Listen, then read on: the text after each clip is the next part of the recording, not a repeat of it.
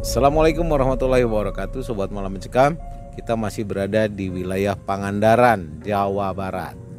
Tempat pantai yang asik nih. Di sebelah kiri saya sudah hadir seorang narasumber Yang kembali akan mengisahkan kisah pengalaman pribadi yang horor dan mencekam tentunya. Seperti apa kisahnya? Kita akan berkenalan dulu Kita akan ngobrol dulu dengan narasumber. Assalamualaikum Kang. Waalaikumsalam. Dengan Kang Preman Pangandaran ya Praman Gendeng. Preman Gendeng Pangandaran. Ya. Kang, gimana kabarnya? Alhamdulillah sehat. Alhamdulillah sehat. Sehat. Keluarga sehat ya. Alhamdulillah. Kegiatan apa sekarang? Kegiatan sekali-kali main musik, kadang-kadang alih profesi sedikit melukis Oh, berarti di dunia seni ya? di dunia seni betul. Dunia seni ya. Nah, Kang, malam hari ini kira-kira kisah apa nih yang mau disampaikan ini? Benang merahnya apa nih? Benang merahnya tidak disangka pas waktu itu malam kebetulan malam Jumat Kliwon Hmm. saya ketemu dengan seorang tukang beca. Hmm. Tapi ternyata yang saya kira tukang beca itu orang biasa, Hmm. ternyata bukan. Oh, ternyata bukan manusia. Bukan, sebangsa manusia. manusia. ya? Bukan bangsa manusia, betul. Berarti dia goib, makhluk goib gitu ya. Betul, makhluk goib. Oh, Oke Kang, ditahan dulu ceritanya. Eh, nanti mungkin bisa diceritakan lebih detail ya dari awalnya. Oke Sobat Malam Mencekam, Anda jangan ke mana-mana. Kita akan mendengarkan kisah yang sangat menyeramkan yang dialami oleh narasumber. Tetap di Malam Cekam, saat lagi kami akan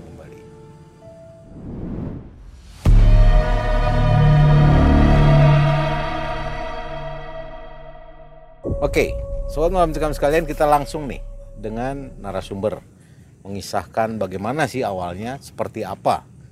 Kang, itu awalnya kejadian tahun berapa tuh Kang? Kurang lebih 95-an, 90 sampai 95 lah. Lupa waktu itu juga di kampung kami baru nyala listrik waktu itu Di daerah Pangandaran. di kampung di Parapat itu Di ya. Parapat, Iya, oke. kampung saya Parapat Pangandaran. Eh, awal mulanya kan saya dulu kan jadi pengrajin lah ya. Pengrajin ikan asin yang tiap sore saya harus pergi ke pantai. Tentunya beli bahan bahan asin. Pulang rata-rata setengah sepuluh waktu itu malam pas malam Jumat Kliwon saya teh nggak mau ngambil ikan tadinya ya. Badan agak nggak enak waktu itu. Kebetulan belum punya kendaraan masih pakai sepeda sepeda ontel. Waktu itu pakai kejobong apa yang di pinggir tuh ya. Ya, keranjang ya. keranjang iya betul. Eh tiba-tiba saya semangat ah. Bilang sama istri mah saya mau berangkat aja lah minta uangnya buat beli ikan. Kebetulan eh, penampungnya itu depan hotel. Pas depan yang namanya kalen buaya. Kalen tuh kalau solokan agak gede kalau sungai agak kecil. Kalen namanya ya. Namanya kalen. Hmm, kalen. Sampai sekarang pun kalen buaya ada. Namanya jalan kalen buaya ada Pangandaran pas waktu itu alhamdulillah saya dapat apa namanya ikan tuh agak banyak. Yang biasanya paling satu kintal 20 satu kintal. Itu dapat satu kintal 84 kilogram. Kan nggak mungkin pakai sepeda. Iya. terus pas sore itu ya malam itu hujan. Agak lebat saya bingung ini mau dibawa pakai apa ini ikan? Sedikit-sedikit agak meredah tapi gerimis lah ya gitu ya. Kurang lebih mungkin seperempat jam karena saya ngisap rokok pun habis itu belum ada beca yang lewat. Biasa kan ada beca lewat lah ya. Eh setelah saya menghisap rokok habis satu batang saya ke pinggir jalan sambil hujan-hujanan tuh tengok kanan kiri kok nggak ada nih beca. Karena pandangan 20 meter pun kayaknya nggak kelihatan. Waktu itu kan masih gelap penerangan lah ya. Pas saya gini-gini kayak beca kayak bukan kayak beca kayak bukan. Ah saya masuk lagi karena hujan lebat lagi. Eh saya penasaran ke jalan lagi itu hujan masih lebat. Sambil jalan yang tadi dilihat kayak beca tuh deketin sama saya kurang lebih 10 meter oh ya beca mang beca Hei, muat mang. Ayo, dia pakai bahasa Sunda. Hmm. Muat apa kang? Bawa ikan. Ke mana? Ke perapat. Berapa ongkosnya? Saya tanya. Ya. Lah berapa aja kang? Gitu dia teh ngomong berapa aja. Banyak nggak kang? Satu kintal 84 kilo. Singkat cerita, mau dia lah ya. Dinaikin sama orang dua nih sama saya sama dia. Udah kang. Nah kang mah duduk aja lah di belakang. Oh iya takut cungkir nantinya. Singkat cerita diangkat semua. Uh, akang ikut enggak enggak saya bawa sepeda. Terus dia teh ditarik becanya. Kok kok nggak minta tolong ya ya. Ih kuatan sedangkan bawa segitu kan biasanya orang dua aja berat karena di pasir bukan di aspal. Singkat cerita, uh, udah Kang, dia teh bilang ke saya, Akang, uh, oh ya Mang, ada apa Mang? Akang di depan, biasanya ngikut dari belakang. Goser pelan karena kasihan kan berat. Dia bilang gini, agak cepetan Kang sedikit, kok nyuruh saya cepetan? Saya pelan kasihan kan bawa berat ya. Tapi saya tambahin sedikit. Saya ya? sepedanya. Iya nggak nggak terlalu. Sampai rumah kan biasa yang maaf maaf lah yang hmm. biasa bantu buruh lah ya. Uh, uh, apa mengrajin ada lima orang kadang-kadang enam orang itu pas saya waktu itu punya gudang Mungkin dari tempat berhenti beca itu ke gudang ya kurang lebih 5 meteran lah, 5 meter 7 meter lah. Ya agak jauh. Di mana Kang? Di sini aja udah. Ternyata satu persatu, maaf tapi ya ini. Mudah-mudahan ini ngomong apa adanya, asli. Walaupun dia mendengar, saya nggak ditambah-tambah ini ya. ya. Kan tangan yang kanan nggak berfungsi. Kayaknya nggak berfungsi dilihat sama saya orang ini teh pakai baju putih lengan panjang ini selena hitam kayak pegawai negeri hmm. dimasukin rapi cuma ada ikat pinggang kecil sedikit hmm. Hmm. sepatunya mengkilap sepatunya sepatu hitam kayak mengkilap pegawai kantoran dong. ya kayak kantoran satu persatu kantong itu pakai tangan kiri dia jalan sekitar 5 meter 7 meter hmm. jalan ini ke mana Kang di situ taruh. Saya tuh mikir, loh, orang kok kuatan ya? Tangan kiri buat ngangkat. Itu yang 30 yang yang terakhir apa naik beca kan yang yang 84 kan yang pertama di sini. Kalau di depan kan mungkin takut jungkir lah ya taruh di belakang pas saya jadi heran tuh satu persatu tangan kiri terus. Udah tinggal yang 84 kilo yang pakai karung gede. Ya. Kok pakai tangan kiri begini lagi? Di bawah jalan. Kayaknya kok ototnya nggak begini. Nggak keluar kayak biasa-biasa aja. aja ya kayak iya. biasa aja. Jalannya juga jalan biasa. Sedangkan saya kan bawa 10 kilo tangan dua juga udah berat kadang-kadang iya. Kang mau makan? Enggak lah. Mau ngopi? Boleh. Kebetulan warung masih buka tetangga. Beli rokok satu bungkus beli kopi aja seduh rendeng begini kayak gini. Hmm. berdua. Kopi di sini rokok di sini. Dia cerita cerita saya tanya kok nggak nyambung ya? Saya ngomong usaha. Usaha saya lagi repot terpuruk. Oh di sana juga ada kalian buaya. Ngomongnya gitu terus jadi loh kok ngomongnya nggak nyambung ya? Nah, apa saya yang kurang denger ini? Ya, hmm. ya tapi saya nggak nggak apa terlalu diperpanjang ini ada ini di halaman ada ini ada ini. Di halaman saya teh wah akang mah bagus. Eh banyak yang jaga.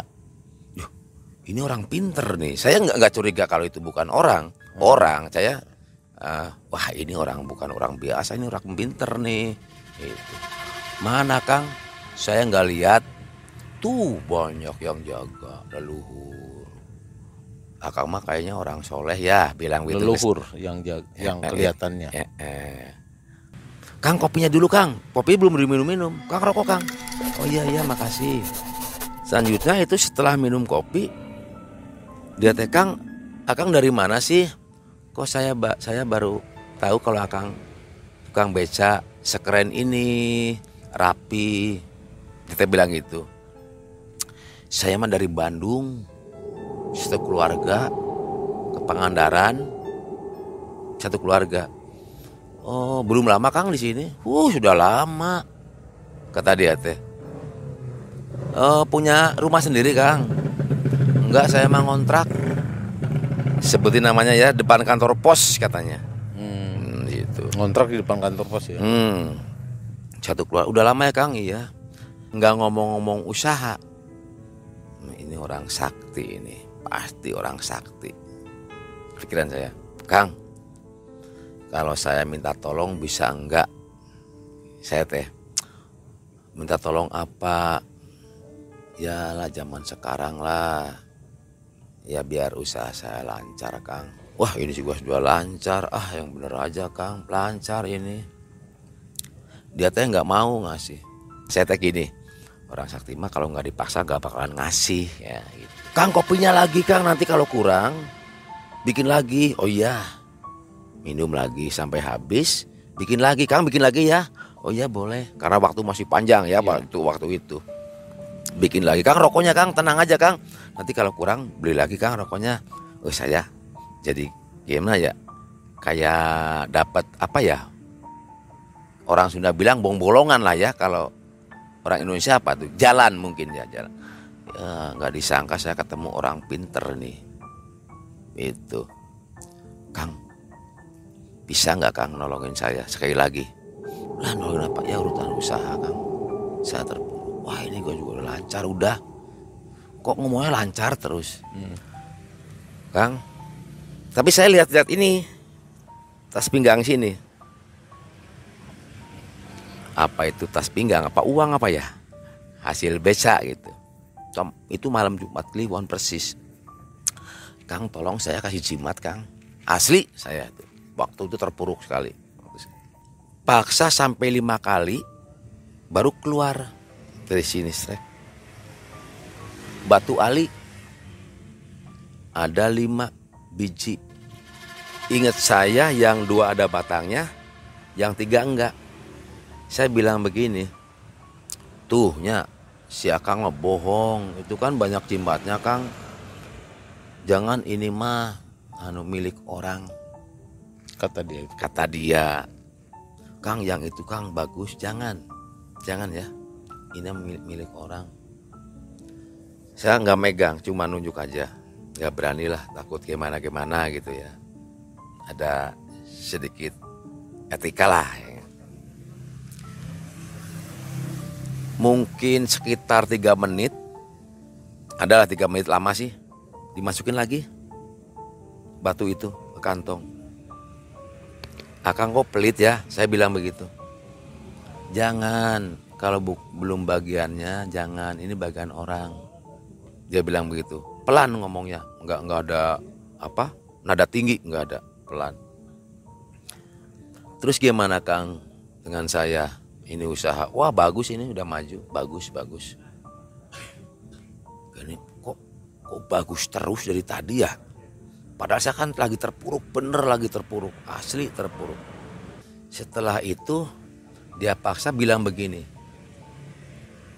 kalau Akang ingin besok sebelum duhur, Akang ke tempat saya tadi ngetem beca. Dia bilang begitu. Betul Kang, betul. Jangan bohong ya Kang ya. Iya.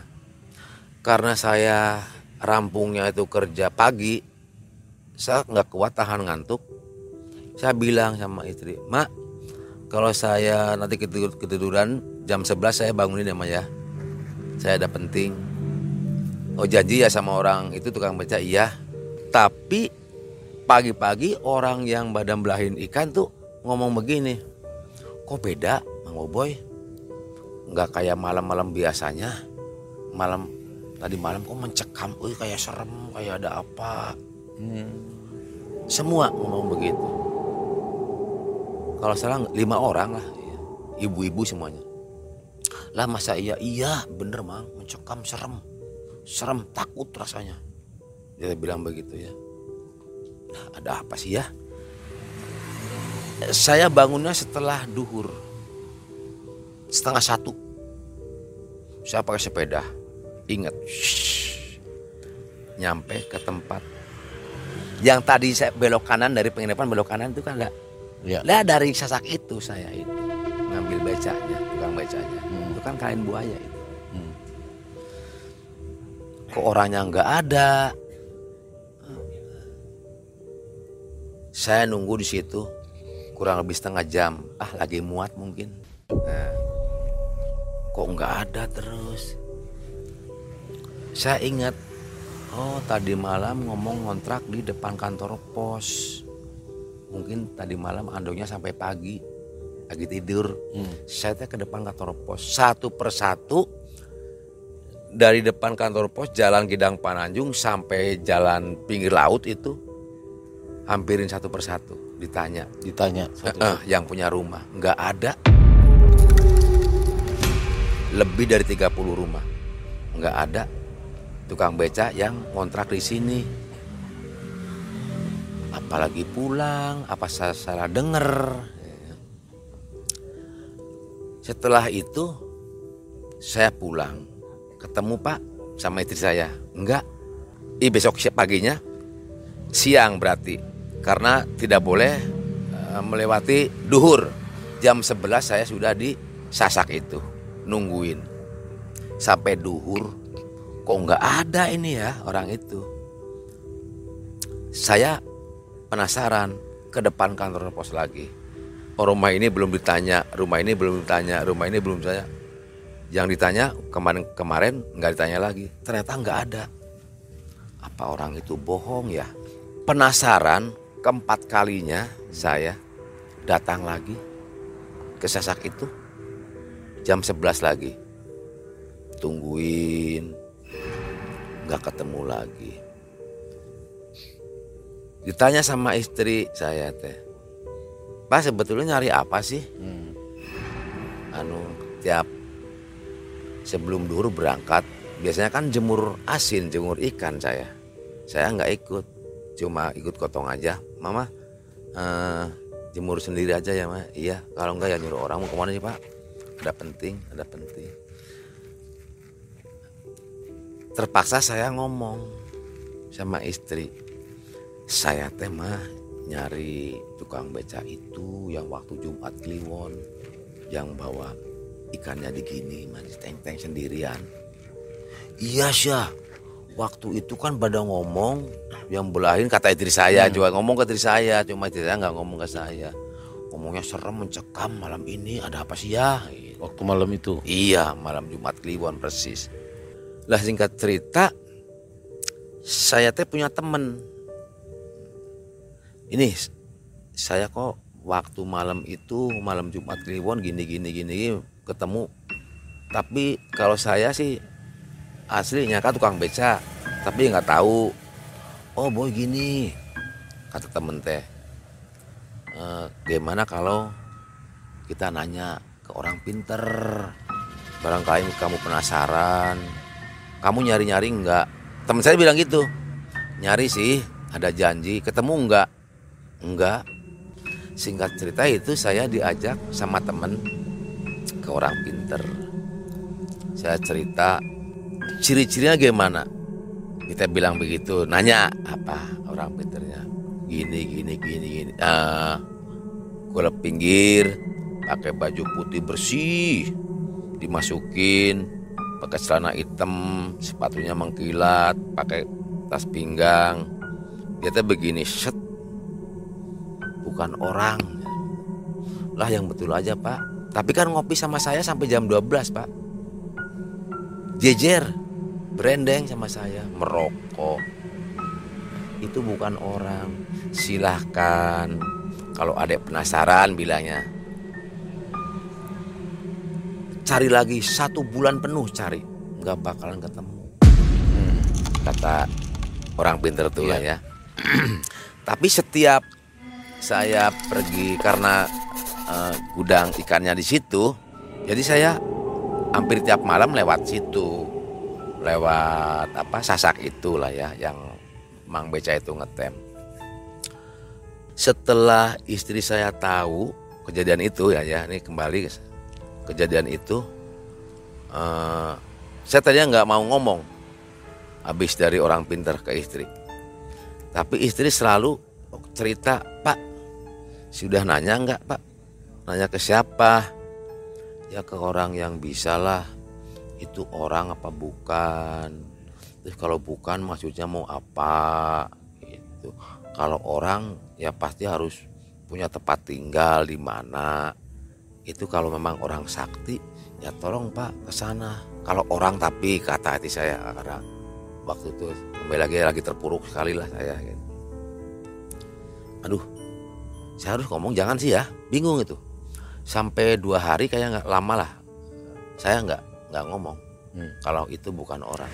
Setelah apa sekian lama saya pendam bahwa saya teh udah nanya ke orang pinter. Karena istri saya selalu tiap hari nanya. Saya terpaksa ngomong. Tapi maaf ya mak. Kenapa? Mama jangan takut. Kenapa? Itu bukan orang. Hah kaget kaget paingan ngangkat karung segitu beratnya itu berapa kilo sih pak? 84 kilo hampir satu kintal tangan kiri. Karung gede. Asli karung gede. Terus bapak dikasih apa? Oh ketemu juga enggak? Dikasih apa? Sampai sekarang. Ya terus saya ketemu teman yaitu cowok e, nanya ke orang pinter. Ternyata bukan orang mah setelah itu saya memutuskan itu. Memutuskan setelah istri saya tahu bahwa itu bukan orang saya memutuskan mak apa harus berhenti mak? Jadi pengrajin asin. Tidak boleh. Jangan berhenti pak. Kita nanti makan apa. Nah hmm. mikir saya ya Allah saya harus kerja apa nih?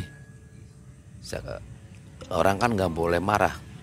Sekalipun terpuruk nggak boleh marah. Kata guru saya ya. nanti kalau marah malah tambah sulit katanya ekonominya rezekinya. Satu dua sampai satu minggu lebih saya masih bertahan uh, ke asin setiap melewati sasak itu saya agak sedikit ya apa namanya? Merinding. Merinding. Ah saya memutuskan berhenti. Setelah berhenti itu mimpi ya, begini orang suruh nemuin saya disasak saya ngetem kok. Nggak deketin saya. Hmm. saya kan nggak tahu. Ya. mana orangnya? Kalau orang kan gede baca juga hmm. gede. Ya. ternyata yang kelihatan ada batu. Tapi nggak saya ambil. Ada batu. Seperti apa batunya? Agak kemerahan merah merah gitulah. Kayak kekuatan nggak tahu lah soalnya yang diliatin ke saya kan kekuatan. Yang angkat itu ikan pakai tangan kiri. Kayaknya saya langsung memutuskan udahlah mak. Dia berhenti jadi pengrajin pengrajin ikan itu ikan asin. Dari situ ke jagung sebentar. Saya bingung di situ. Jagung harus beli harus ngider. Kan nggak mungkin kalau di rumah. Iya nggak mungkin ini nggak mungkin. Kembali lagi ke pengrajin. Saya mak mending belikan lagi lah. Lah jangan kata saya. Boleh tapi kalau kliwon jangan. Jangan berangkat ke pantai sana kata saya. Hamilnya tambah gede. Setelah istri saya melahirkan ya berarti total saya ke laut ikut nelayan. Cari ikan. Iya cari ikan sebentar. Saya nggak lama. Berhenti lagi. Nah pas itu jadilah musik. Terjun ke seni eh, awal awalnya sih gitar kumprung main-main di rumah gini gini gini. Lah jadilah seni sampai sekarang. Berarti kang itu teka-teki eh, orang yang tukang beca misterius itu sebenarnya itu adalah dalam bentuk batu itu yang ada di jembatan. Kayaknya. Karena dalam mimpi itu. Memberikan jawaban ya. Iya. Kok kelihatannya batu? Dia kan oh bodoh. Bilang gitu. Iya iya. Suruh deketin saya? Enggak. Gitu. saya kan nggak tahu. Yang dilihat saya mah orang awam ya orang aja. Iya, nyarinya orang. Tapi ternyata dia kan melihatkan apa benda itu batu. Iya ada Hmm. Tapi setelah kejadian itu nggak ada ya? Nggak ada apa-apa dengan ada apa-apa. akang dengan keluarga? Alhamdulillah nggak ada apa-apa. Sampai Alhamdulillah. sekarang malah harmonis ya. Ya bahagia, Bahagia, dan bahkan usaha pun Alhamdulillah, seni jalan ya. ya. Alhamdulillah anak ya segitu mah ya mapan lah. Iya. ya sudah rumah tangga alhamdulillah. Nggak musingin orang tua Hmm. bahkan sering ngasih ke orang tua. Alhamdulillah. Nah, Kang, dari kisah yang akan sampaikan itu mengenai eh, ya ketemu katakanlah dengan eh, sosok jin atau Iya. apalah itu ya. Pesan moralnya apa nih, eh, Kang, yang mau disampaikan ke pemirsa? Ya pesan moralnya begini ya buat pemirsa semuanya. Kita jangan terlalu percaya dan harus selalu istighfar nih. Eh, kan kadang-kadang kita terlena nih ya. Ya. Ini orang ganteng kayak gini ternyata bukan orang, tapi dia kan bukan nggak mengganggu. Terus Iya. eh, nggak mengganggu, walaupun nggak mengganggu namanya jin ya tetap Ya. suatu saat kalau kita memang eh, ikut ya Hmm. katanya sih Ya. ya- jadi saudara. Iya. Nah, maka dari itu tetap kita minta mohon kepada yang Maha kuasa. Maha Kuasa Allah, ya. iya, minta Iya. perlindungan pada yang Maha Kuasa Allah Subhanahu wa taala. Setiap saat ya. Iya, setiap Minta saat. perlindungan kepada Allah Subhanahu wa taala. Iya. Baik, sobat malam cekam itulah satu kisah yang disampaikan oleh narasumber dan ini semoga kita bisa mengambil hikmah yang positifnya apa dan membuang hal yang negatif. Terima kasih saya Yudi di sini dan tim malam mencekam juga narasumber. Kita akan pamit dan kita akan ketemu lagi di video-video yang tidak kalah horor dan mencekam lainnya. Assalamualaikum warahmatullahi wabarakatuh.